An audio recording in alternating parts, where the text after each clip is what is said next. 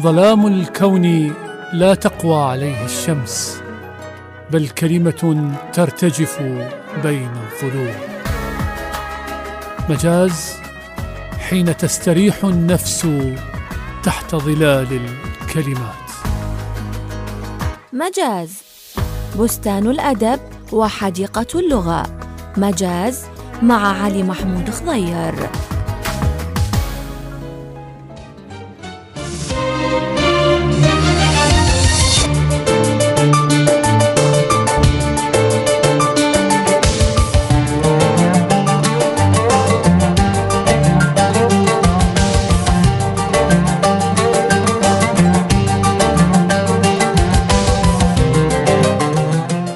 حياكم الله أحبتي أصدقائي المستمعين في لقاء جديد من لقاءات برنامج مجاز من راديو تايم سكوير 102.5 FM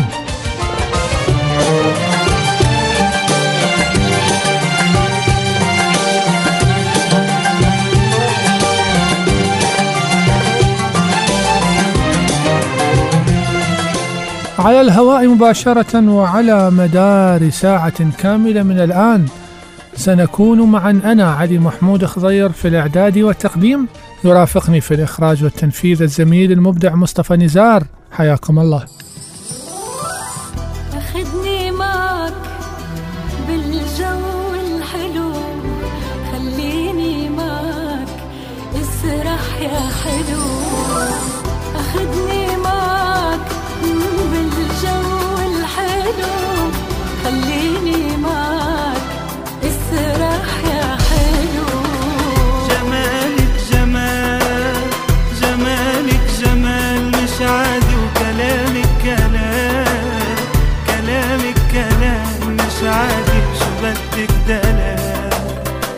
عصوت الدلال غفيري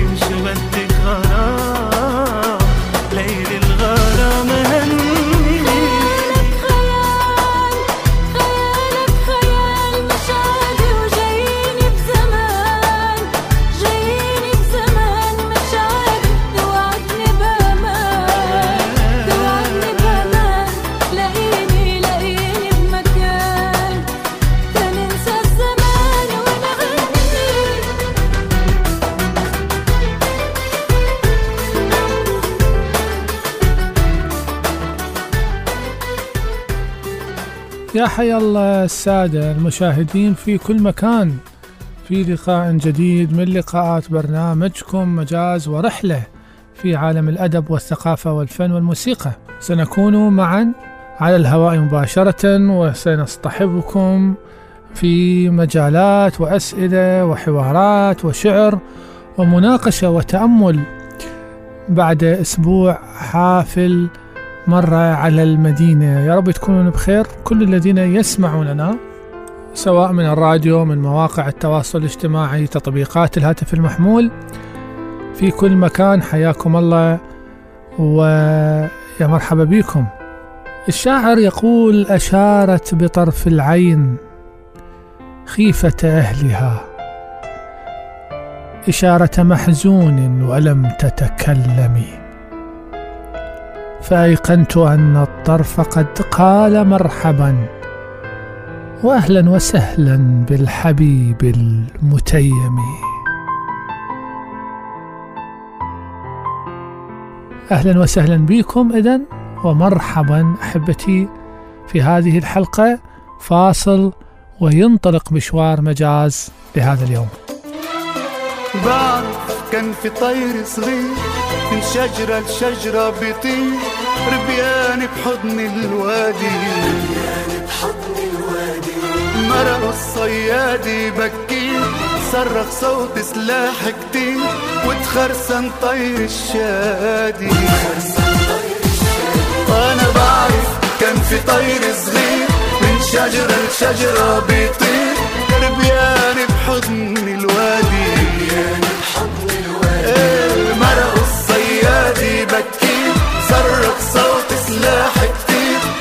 وتخرسن طير الشادي.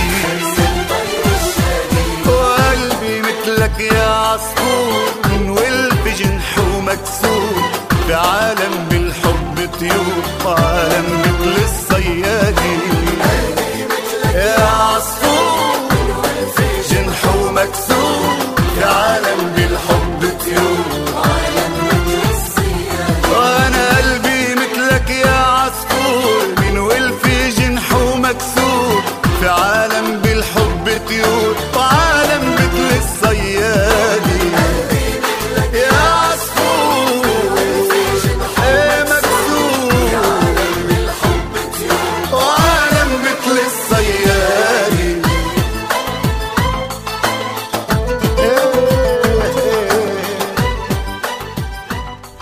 نعم أصدقائي تواصلا وهي احتفالات بلادنا اللي فازت بالأسبوع الماضي ببطولة خليجي 25 في البصرة والذي حقيقة جعل هناك حالة من البهجة والسعادة ومن المزاج الجديد في المدينة وفي البلاد. نتمنى أنه نستثمره ونبني عليه ونغير هذه النظرة الرتيبة عن البصرة وعن العراق في وسائل الإعلام من خلال وعينا من خلال استثمارنا للحادثة إيجابيا. بهاي المناسبة صدر كتاب اسمه هدف في مرمى بوش. هذا الكتاب هو عبارة عن سيرة سيرة المدرب البرازيلي جورفان فييرا.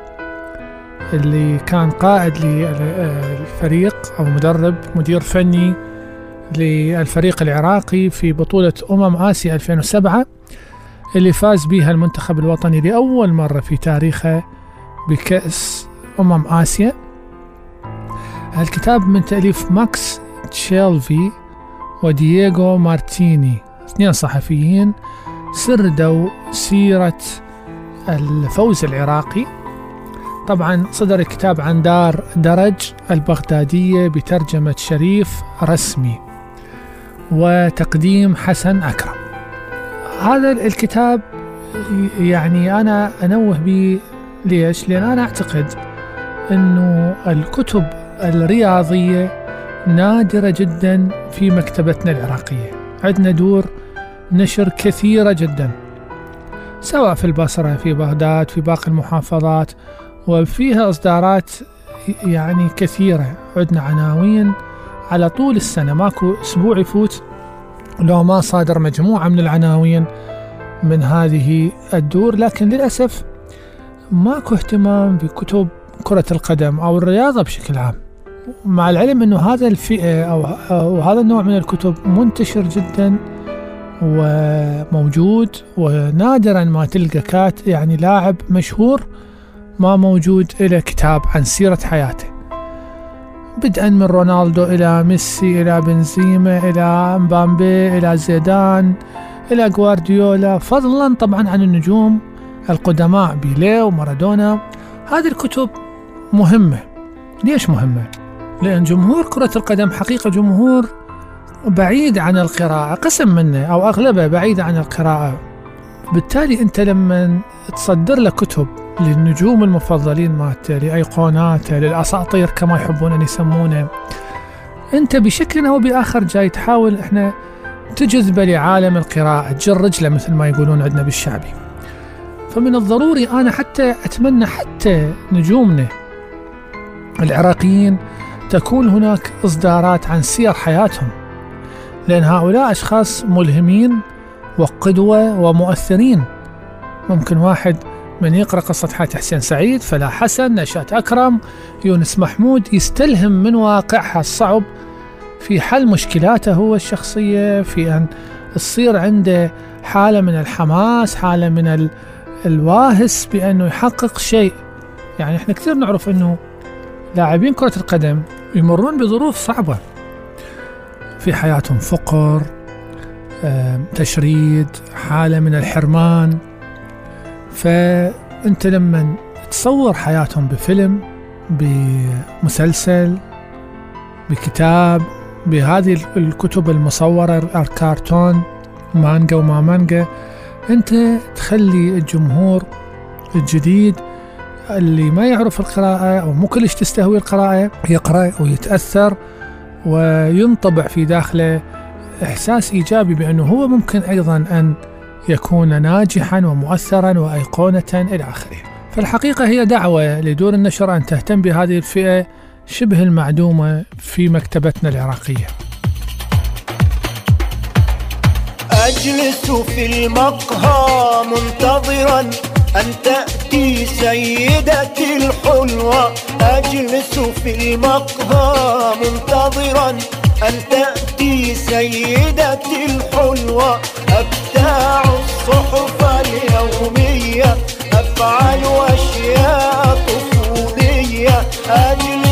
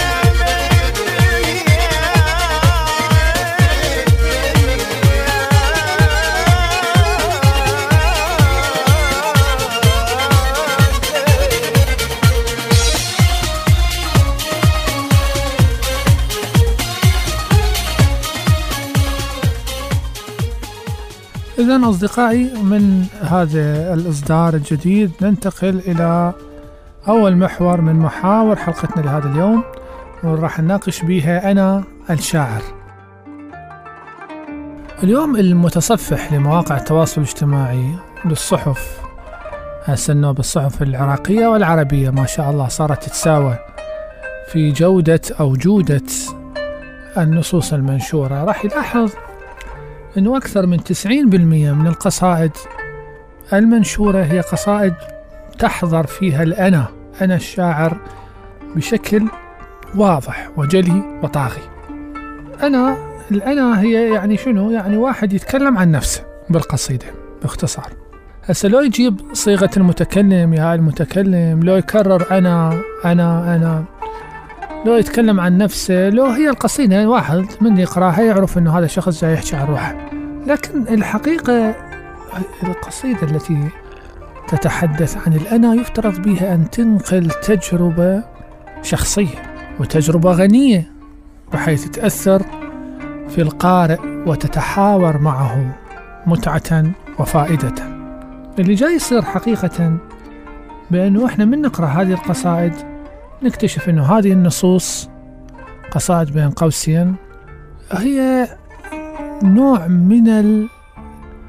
الكلائش العاطفية نوع من العرايض التي يكتبها الإنسان دفاعا عن نفسه أو يكتبها تعريفا بنفسه تفخيما لذاته استدعاء للبطولة يا إما فكرة البطولة يا إما فكرة الظلامة. مظلوم. تباوع على القصائد تشوف كل القصائد اللي من هيك نوع تتحدث عن ذات صمدية ذات عليا ممتازة. لا يأتيها الباطل من بين أيديها ولا من خلفها. تصرفاتها كلها مثالية. الناس كلها هي اللي ظالمتها الناس تحاربها. هي العاطفية هي الرحيمة هي الخيرة هي النبية هي العليمة هي هي هي. ماكو أخطاء. ماكو أحد يعترف بأخطاء بالقصائد. أبدا. ذوات مثالية. بحيث أنت تصفن تقول هذا يعني معقولة؟ هذا اللي يصير؟ يعني معقولة؟ هاي جاي أنا أقرأ قصيدة إنسان أو إنسانة طبيعية. هذا اللي يمدح نفسه دائما ويقول عن نفسه وينعت نفسه بهذه الصفات المثالية البهية الدائمة. كل ما يجي سيرته في بوست في تغريدة في قصيدة تلقاه يمدح بروحه ويمجد. هذا طبيعي. الحقيقة هذا مو طبيعي. هذا يعكس أزمة نفسية كبيرة وشعور عالي بالنقص وشعور عالي بالرغبة بلفت الأنظار وإن وإن كانت عن طريق مدح الذات بطريقة سمجة فجة بين قوسين تلعب النفس. ليش تلعب النفس؟ لأن الناس يعني لازم الكاتب يعرف أنه القراء أذكياء ويعاقبونك يعاقبونك بأنه يكشفوك فما يقومون يقرونك. هسه هل المفروض أنه واحد ما يحكي عن روحه؟ لا لا. السياب كان كل قصائده يتكلم عن نفسه أغلب قصائده. لكن شو الفرق بين قصائد السياب وفروغ فروغ زاد مثلا اللي تتحدث عن الذات بشكل سايكولوجي مثلا؟ والقصائد اللي نحكي عنها اليوم. كل القصايد من حلا عينيك من دفا إيديك كتبت نوهلتن هودي القصايد مش حكي يا روحي هو بك القصايد هولك كل كل القصايد من حلا عينيك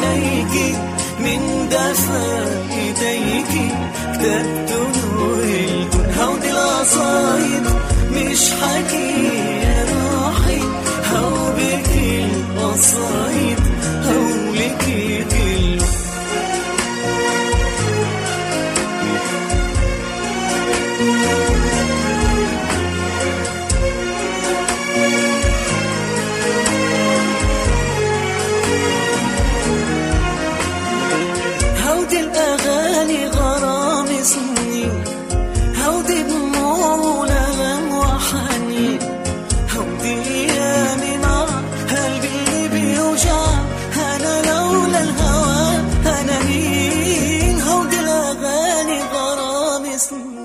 الفرق أخواني إنه هذه القصائد اللي يكتبها السياب فروخ زاد. روايات آني إرنو مثلا تتحدث عن الذات بعد إفراغ التجربة الشخصية من الذاتية ومن الذاتوية. لا تتحدث عن النص بشكل سيري محض عاطفي وجداني ال- ال- بل تتحدث بشكل عابر للذات إلى الذوات الأخرى القارئة. أنت اليوم من تكتب مو مهمتك أنه تقول لي والله أنا ضايج أنا ما حد يحبني أنا والله أنا الزينة أنا الوردة أنا الجميلة أنا ال- ال- ال- ال- اللي رحيمة أنا اللي أحس بالناس بينما العالم يطعن بي والعالم يخذلني والعالم يدوس علي والعالم يحول زهرتي إلى رماد. أنت مهمتك أن تتحدث أو أن تنقل التجربة الفريدة والخاصة التي مررت بها بشكل فني بأدوات وسياق فني وتنقلها عبر النص إبداعيا. ومن هناك عاد يبدأ التأثير. يعني هناك يصير التأثير. خو ما أنت قاعد تحكي لي وكأنه أنت دفتر يوميات كشكول شلون هذه يكتبون الناس يحطوا جول ماكو. لاكو اشتغال لغوي. لاكو اشتغال فني. لاكو أداء لاكو شعر. شعر شعر. ماكو. زين لا أكو صورة. لا أكو استعارة. وأعتقد أنتو يعني اللي يقرأ شعر بشكل جيد يفهم أنا شنو أقصد. بدون ما ما نقدر نجيب أسامي ونجرح الناس. بس يفترض الناس أيضا تعرف. أنه هذه الأنا هي أنا مرضية وهي تفسد القصيدة لأن تحولها إلى مستعمرة ذاتية منغلقة غير قابلة إلى التحاور. ما بها لا سؤال لا قلق لا مداولة ولا اشتغال فني حتى صنعة فنية ماكو. بالتالي وطبعا هاي قصائد أغلب ما تشيع تشيع في قصائد البدايات. أنا نفسي كنت اكتبها هاي قصائد. والحمد لله ورا فترة يعني أحكي لكم إياها قبل سنوات. قدرت إنه أتوعى لها خطورة هاي المسألة. اليوم أنا جاي أشوفها بنمط واسع جدا وعلى مدى واسع جدا في مواقع التواصل الاجتماعي وانتقل المرض للصحف العراقية والعربية. قبل كنا نقول والله الصحف العراقية والعربية يعني مو أي واحد يجي ينشر بيها. فكانت شوية تشكل فلتر. هسه حقيقة أنا مسؤول عن كلامي. أي واحد ممكن ينشر بيها بس مجرد يتمتع بعلاقة بسيطة جيدة مع المحرر أو المحررة الخاصة بالجريدة أو المجلة أو الموقع. فشعر. شعر اليوم يشيع فيه وخاصة شعر المرأة يعني مع اعتزازي الكبير. وهو شعر نرجسي جدا. أسعوف ناس يمكن جماعة النسوية راح يشتمونه. بس أنا أتكلم حقيقة بموضوعية وأتمنى أنه إحنا نفكر بموضوعية وحي وحياد راح نلمس هذه المشكلة. حقيقة إحنا عندنا مشكلة مشكلة نرجسية كبيرة وذاتوية كبيرة مغلقة بشعر المرأة. المرأة تحس بقصائدها أنه هي وكأنه هي محور الكون محور العالم محور الحياة كل واحدة منهن بدون أن تنقل بالقصيدة تجربة خاصة تقنع القارئ بذلك. لا أقصد فقط المرأة حتى تجارب الشعراء الشباب اليوم تشيع هاي المسألة بشكل كبير. الأدهى من ذلك هم ذول اللي يكبرون من المربد أنا إحدى آه، التجارب الشعرية كبيرة شخص يعني أو شخصة ما يجوز شخص يجوز شخصة. عمره 55 سنة لكن القصيدة تحسها كاتبها شخص عمره 17 سنة. لأن الخبرة وهاي السنوات ما علمته أن يكتب قصيدة ذاتية يطلعها من السيرة والسيكولوجيا إلى المعلومة إلى الفن إلى التجربة الإنسانية المشتركة. كنا نحب كنا نحب بس ما هو الخصوصي في تجربتك بحيث تنقله لكي يكون مشتركا عاما. ناس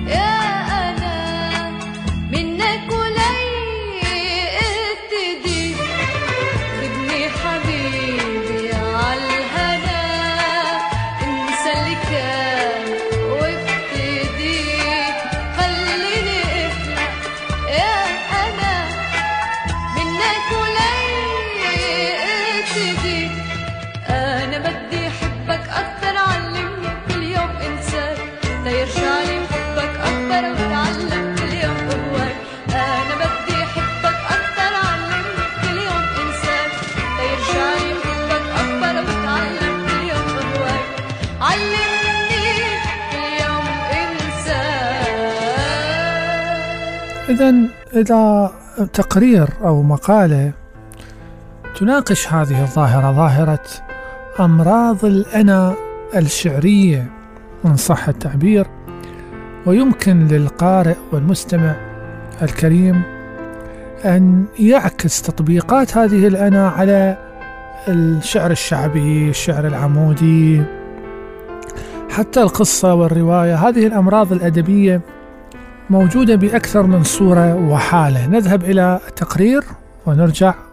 خليكم ويانا في مجاز.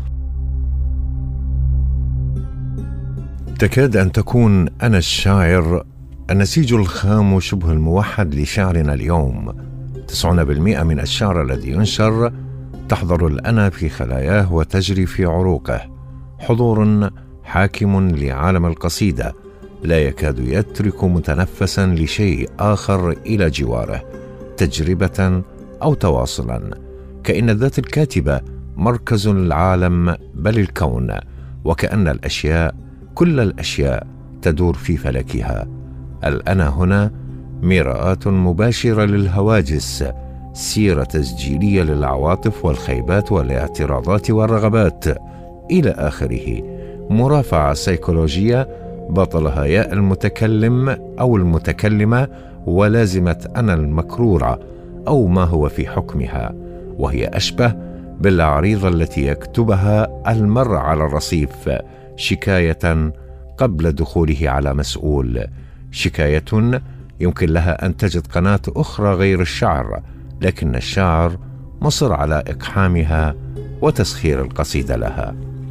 إن تلك الأنا حالة مرضية داخل جسد القصيدة فهي تهيمن على أبعاد المعنى وتفتقر إلى المعالجة الفنية وتضرب سورا يقيد القصيدة بوجهة نظر واحدية وتحول القصيدة إلى مستعمرة مغلقة لا مجال لاشتراك الخبرات الجمعية فيها. بل أنها في ذاتها غير قادرة على منحك خبرتها الخاصة لنقص في فهم طبيعة العمل الفني ولأنها لا تملك إلا الإخبار عن الذات بلا سؤال أو مداولة أو حوار مع القارئ. على الأنا ألا تكتفي بالتعبير عن ذاتها سيريا أو سيكولوجيا بل تذهب إلى تقصي المشترك مع الذوات الأخرى بمعنى تذويب الشخصي المؤقت فنيا في العالم الخالد الذي لا يحده زمان ومكان. حتى تصير الحالة الفردية قابلة للتمثل من الآخر لأنها مست عصبا مشتركا عنده. عبرت آني أرنو عن فكرة مشابهة في مقال لها ودعتها بالأنا العابره للذات. خلاصة هذه الأنا العابره للذات موجودة في العمل الفني الذي تختفي منه الأنا تمام الاختفاء. اذا المشترك في التجربة داخل العمل الفني هو المنشود وليس التعبير الوجداني المحض لأن الأخير ببساطة غير قادر على صياغة مفهوم جمالي بقدر ما هو تسجيل صارخ للعواطف والاختلاجات النفسية التي قد تسكن تماما بغياب مسببها ولأنها تهبط بالقصيدة إلى مستوى ردة الفعل والخطابية الاستهلاكية. لا بأس في حضور الكاتب داخل نصه فهو مالك النص وخالقه. وهو بالتالي الموجه لمساراته. البأس في شكل ومضمون هذا الحضور المتحكم بالقصيدة. كانت ذات السياب حاضرة بقوة في قصائده لكنه وبموهبة فارقة جعل منها نافذة تطل على الذوات المطلقة تحاورها بل تتمثلها. ستشعر وأنت تقرأ شعر السياب بأنك يتيم مثله مطارد ومهدد في وجودك. ومن شجن ذاته وشجاها ستلمس طبيعة جيكور ونداوة هوائها ولهف أفقها. وما ينطبق على السياب ينطبق على فروغ فرخزاد مثالا ثانيا التي كتبت سيرتها شعرا لكنها تجاوزت بقوة الفن الشعري سطوح العاطفة إلى سطوح الموضوعية والانفصال والمعلومة. حياكم الله أصدقائي. إذا كخلاصة العمل الفني ليس تسجيل عواطف ليس تعبير عاطفي أو خاطئ ممكن تقولها بخاطرة. آه، لا تنزل بالقصيدة إلى مستوى ردات الفعل أو الخطابية الاستهلاكية. واحفظ للفن كرامته. إذا نذهب إلى ثاني ملفاتنا اليوم وسنتحدث عن دكتور زكي نجيب محمود الكاتب والأستاذ في الفلسفة وسنتحدث عن كتابه المهم تجديد الفكر العربي اللي يتكلم به عن الواقع العربي في جملة من الموضوعات المهمة بعد فاصل قصير. بحبك لو قريب مني بحبك لو بعد عني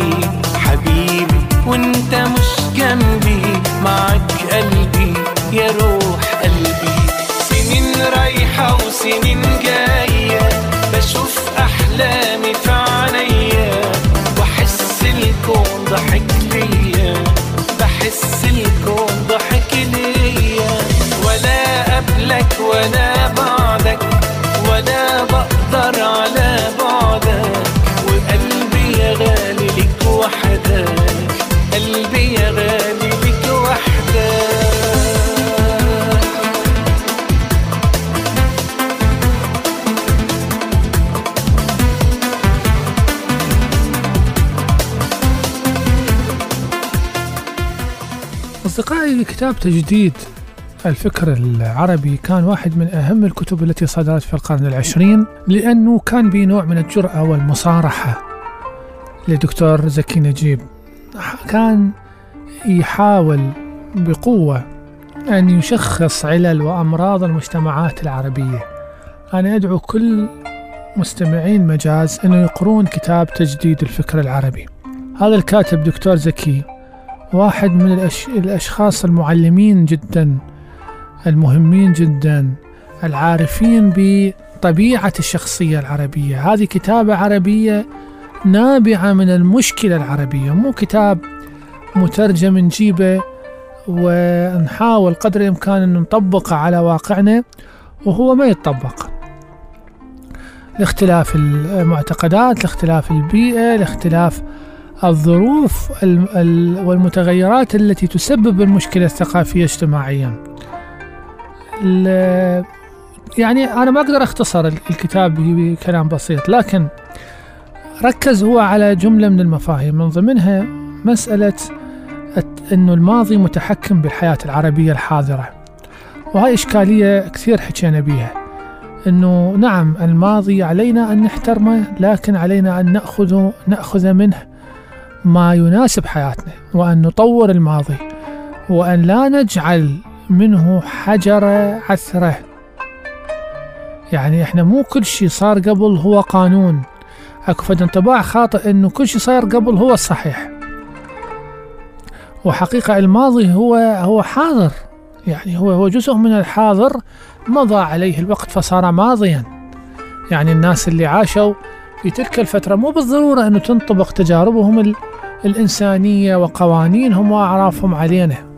إحنا يعني مو أفضل من يمنا ولا إحنا نريد نحاول قدر الإمكان أنه نسقط تماما ال- الماضي ونعمل قطيعة معاه. لا هذه ولا ذاك. التوازن. أيضا من ضمن المشكلات مشكلة السلطة. وأن تكون السلطة صاحبة رأي ليست مو صاحبة الرأي. أكو فرق أخواني. من تكون أنت صاحب الرأي معناها أنت مفرد صمد وحيد. ماكو أحد يحكي غيرك. ماكو أحد يقول رأي غيرك. أنا أقصد أن تكون صاحب رأي. وسط مجموعة آراء. هاي وحدة من مشكلات العقل العربي. من مشكلاتها أيضا مسألة أنه أنا متحكم بالقانون. أنا مثل ما أنا متحكم بالظاهرة الطبيعية. هناك ناس يعتقدون أنه هم ممكن أن يتحكمون بالظواهر الطبيعية بسجايا الإنسان أنه أنا أغير حتى طبيعة الإنسان الشريرة أو الخيرة آه، الصفات البشرية وأشخصها وأجندها إلي. الحقيقة هذا الشيء يعني خارج التصور خارج العقل.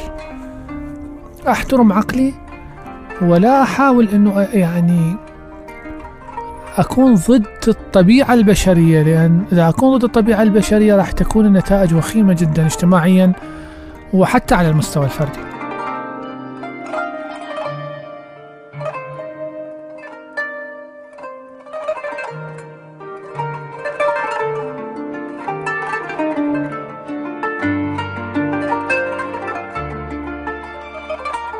إذا أصدقائي نذهب إلى تقرير يتحدث عن كتاب تجديد الفكر العربي لدكتور زكي نجيب محمود واحد من الأسماء اللامعة العربية التي نفتخر بها. نسمع وراجع لكم في مجاز. حياكم الله. الدكتور زكي نجيب محمود الكاتب وأستاذ الفلسفة في كتابه تجديد الفكر العربي يتكلم عن الواقع العربي فيقول وإنه لمن العبث أن يرجو العرب المعاصرون لأنفسهم نهوضا قبل أن يفكوا عن عقولهم تلك القيود لتنطلق نشيطة حرة نحو ما هي ساعية إلى بلوغه. وإنه لا بناء إلا بعد أن نزيل الأنقاض ونمد الأرض ونحفر للأساس القوي. ثم يكمل حديثه بعد ذلك بذكر أعظم القيود التي تعيق الإنسان العربي المعاصر. الأول أن يكون صاحب السلطان السياسي هو في الوقت نفسه. وبسبب سلطانه السياسي صاحب الرأي لا أن يكون صاحب رأي بغير أداة التعريف بحيث لا يمنع رأيه هذا أن يكون لغيره من الناس آراءهم الثاني أن يكون للسلف كل هذا الضغط الفكري علينا فنميل إلى الدوران فيما قالوه وما أعادوه ألف ألف مرة. لا أقول إنهم أعادوه بصور مختلفة بل أعادوه بصورة واحدة تتكرر في مؤلفات كثيرة. فكلما مات مؤلف لبس ثوبه مؤلف آخر وأطلق على مؤلفه اسما جديدا. فظن أن الطعام سيصبح أطعمة كثيرة إذا تعددت له الأسماء.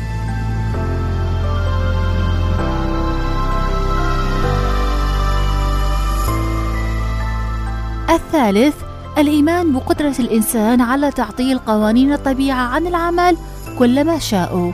على غرار ما يستطيعه القادرون النافذون على صعيد الدولة أن يعطلوا قوانين الدولة في أي وقت. أرادت لهم أهواؤهم أن يعطلوها. أس البلاء في مجال الفكر. هو أن يجتمع السيف والرأي الذي لا رأي غيره في يد واحدة. فإذا جل لك صاحب السيف صارمة وتلا عليك باطلة. زاعما إن هو وحده الصواب المحض والصدق الصراح. فماذا أنت صانع إلا أن تقول له نعم وانت صاغر فكل ذلك برأي زكي نجيب محمود مخالف لطبيعه الفكر الحر فمن شروط الفكر الحر برأيه. أن يكون حوارا متعادل الأطراف لا يأمر فيه أحد أحدا ولا يطيع فيه أحد أحدا إلا بالحق. وفرض الأفكار بطريقة تعسفية سيؤدي نهاية إلى مخاطر وأضرار عظيمة ولسبب بسيط. فما من فكرة إلا وتحتمل أن يكون نقيضها هو الصواب. ثم ينتقل إلى القيد الثاني فيلخص لب الأزمة بداية في قوله. سلطان الماضي على الحاضر هو بمثابة السيطرة يفرضها على الأحياء. فيتكلم بعد ذلك عن حالة التقديس للماضي فيقول إن للموتى تاثيرا قويا في نفوسنا. يكاد يلهينا عن حقائق الأمور بما يحدثه فينا من الإيهام.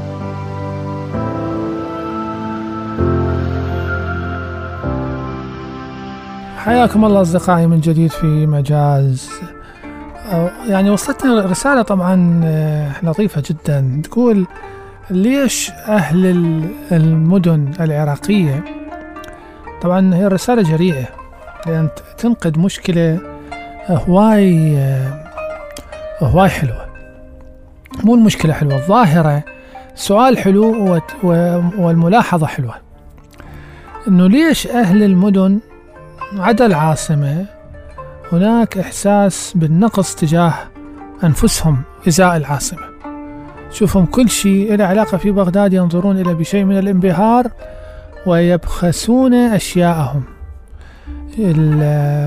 إذا صارت خربطة بسيطة في مدينة عراقية أو محافظة بين قوسين شوف دائما همج ورعاع وما تت- تتغيرون وإلى آخره. بينما من تصير مشاكل عميقة أكثر أو نفسها أو ضعفها في بغداد يجري التعامل معها بشكل آخر. حقيقة أنا ما أقدر أجاوب على هذا السؤال بهذه العجالة. لكن طبعا هي مشكلة ثقافية نفسية مزدوجة وتعكس حالة من الشعور بالنقص والاستلاب وتعكس حالة من من الشعور بعدم يعني اكو ناس يحسون انه هو لأن هو ما عنده شيء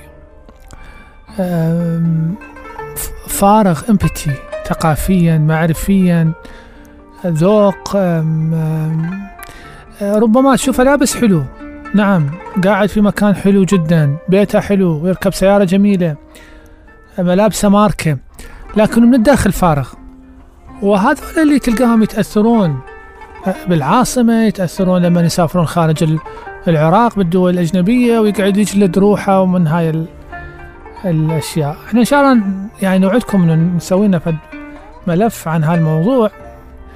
فهذا حبيت إنه أجاوب على على العجالة لأن السؤال اجى عفو الخاطر. اذا آخر محور لحلقتنا لهذا اليوم سنتحدث به إخواني عن كتاب كازانتازاكي الجميل جدا اللي اسمه حديقة الصخور.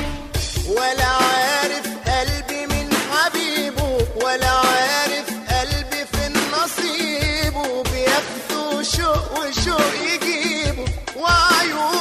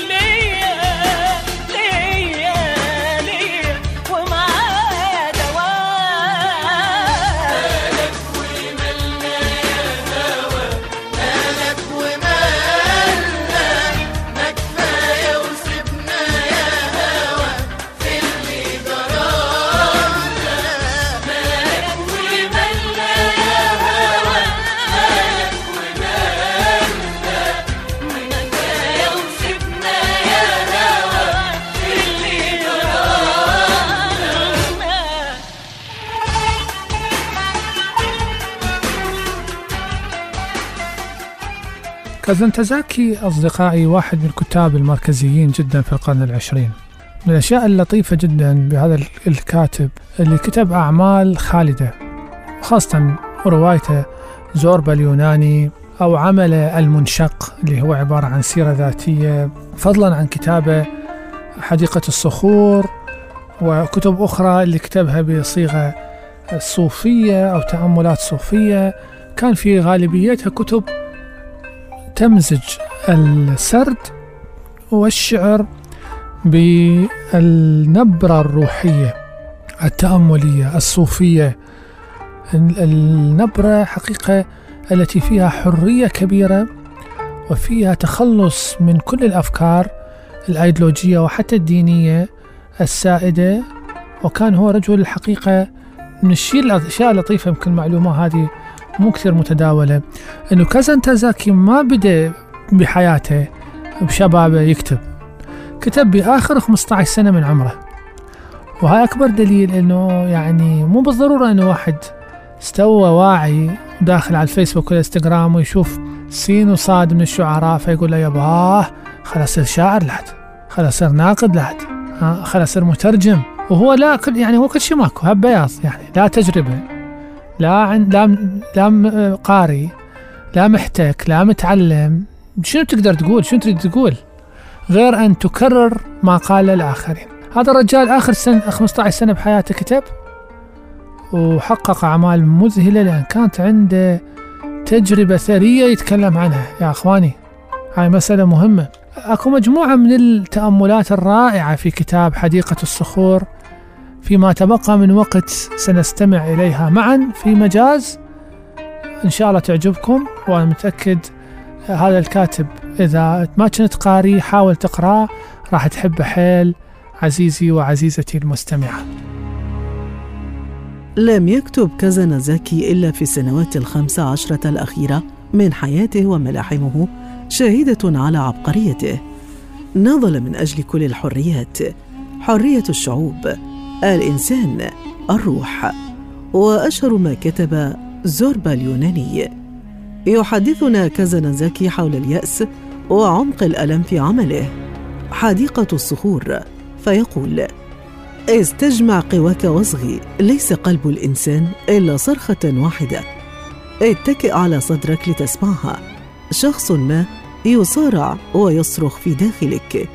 إن واجبك في كل لحظة نهارا وليلا في الفرح أو الحزن وسط جميع الضرورات اليومية أن تسمع تلك الصرخة بشدة أو بتحفظ وفقا لطبيعتك بضحك أو ببكاء. في الفعل أو الفكر مجاهدا لتجد من هو معرض للخطر ويصرخ ويصرخ وكيف يمكن أن نعبأ جميعا لننقذه؟ ويتساءل كازانازاكي حول زيف الابتسامة فيقول هل الابتسامة مجرد قناع؟ مع ذلك يجعل هذا القناع الحياة الاجتماعية محتملة ومقبولة ويمنح العلاقات البشرية كرامة ونبلا. يعلم الإنسان أن يسيطر على نفسه أن يحتفظ بمشكلاته وآلامه لنفسه. وهكذا تدريجيا يصبح الوجه قناعا والذي لم يكن بالأصل سوى شكل يتحول إلى جوهر. وفي جانب متقدم من روايته يخبرنا عن واجبات ثلاثة يقول فيها إن الواجب الأول للإنسان؟ هو أن يرى ويقبل حدود الذهن البشري دون تمرد لا طائل منه وأن يعمل ضمن هذه القيود الحادة دون توقف أو احتجاج.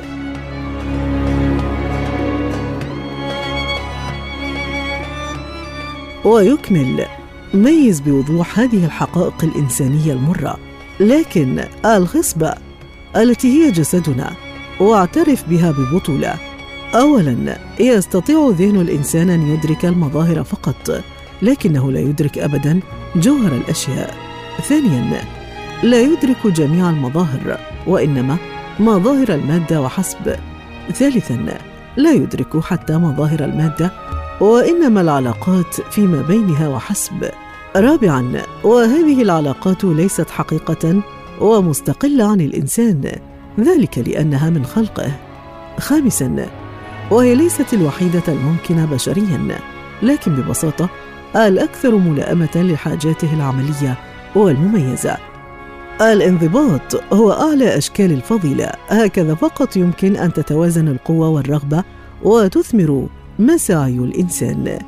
أما الواجب الثاني فيقول فيه العقل صبور ويعدل نفسه ويحب اللعب لكن القلب يصبح متوحشا ولا يتنازل ليلعب إنه يختنق ويندفع ليمزق شباك الضرورة.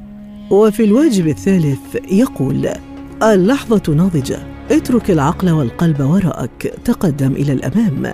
قم بالخطوة الثالثة. حرر نفسك من الرضا البسيط للعقل الذي يفكر بوضع جميع الأشياء في نظام املا أن يخضع الظواهر. حرر نفسك من رعب القلب الذي يبحث ويأمل أن يجد جوهر الأشياء.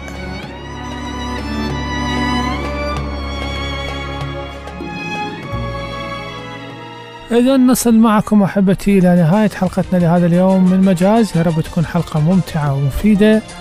تقبلوا في نهاية تحياتي. أخوكم علي محمود خضير في الإعداد والتقديم. هذه أجمل وأرق تحية من الزميل المخرج المبدع مصطفى نزار. في الإخراج والتنفيذ حتى نلتقي لقاء قريب قادم إن شاء الله. نتمنى لكم أطيب الأوقات مع باقي برامج الإذاعة. كونوا في رعاية الله وحفظه.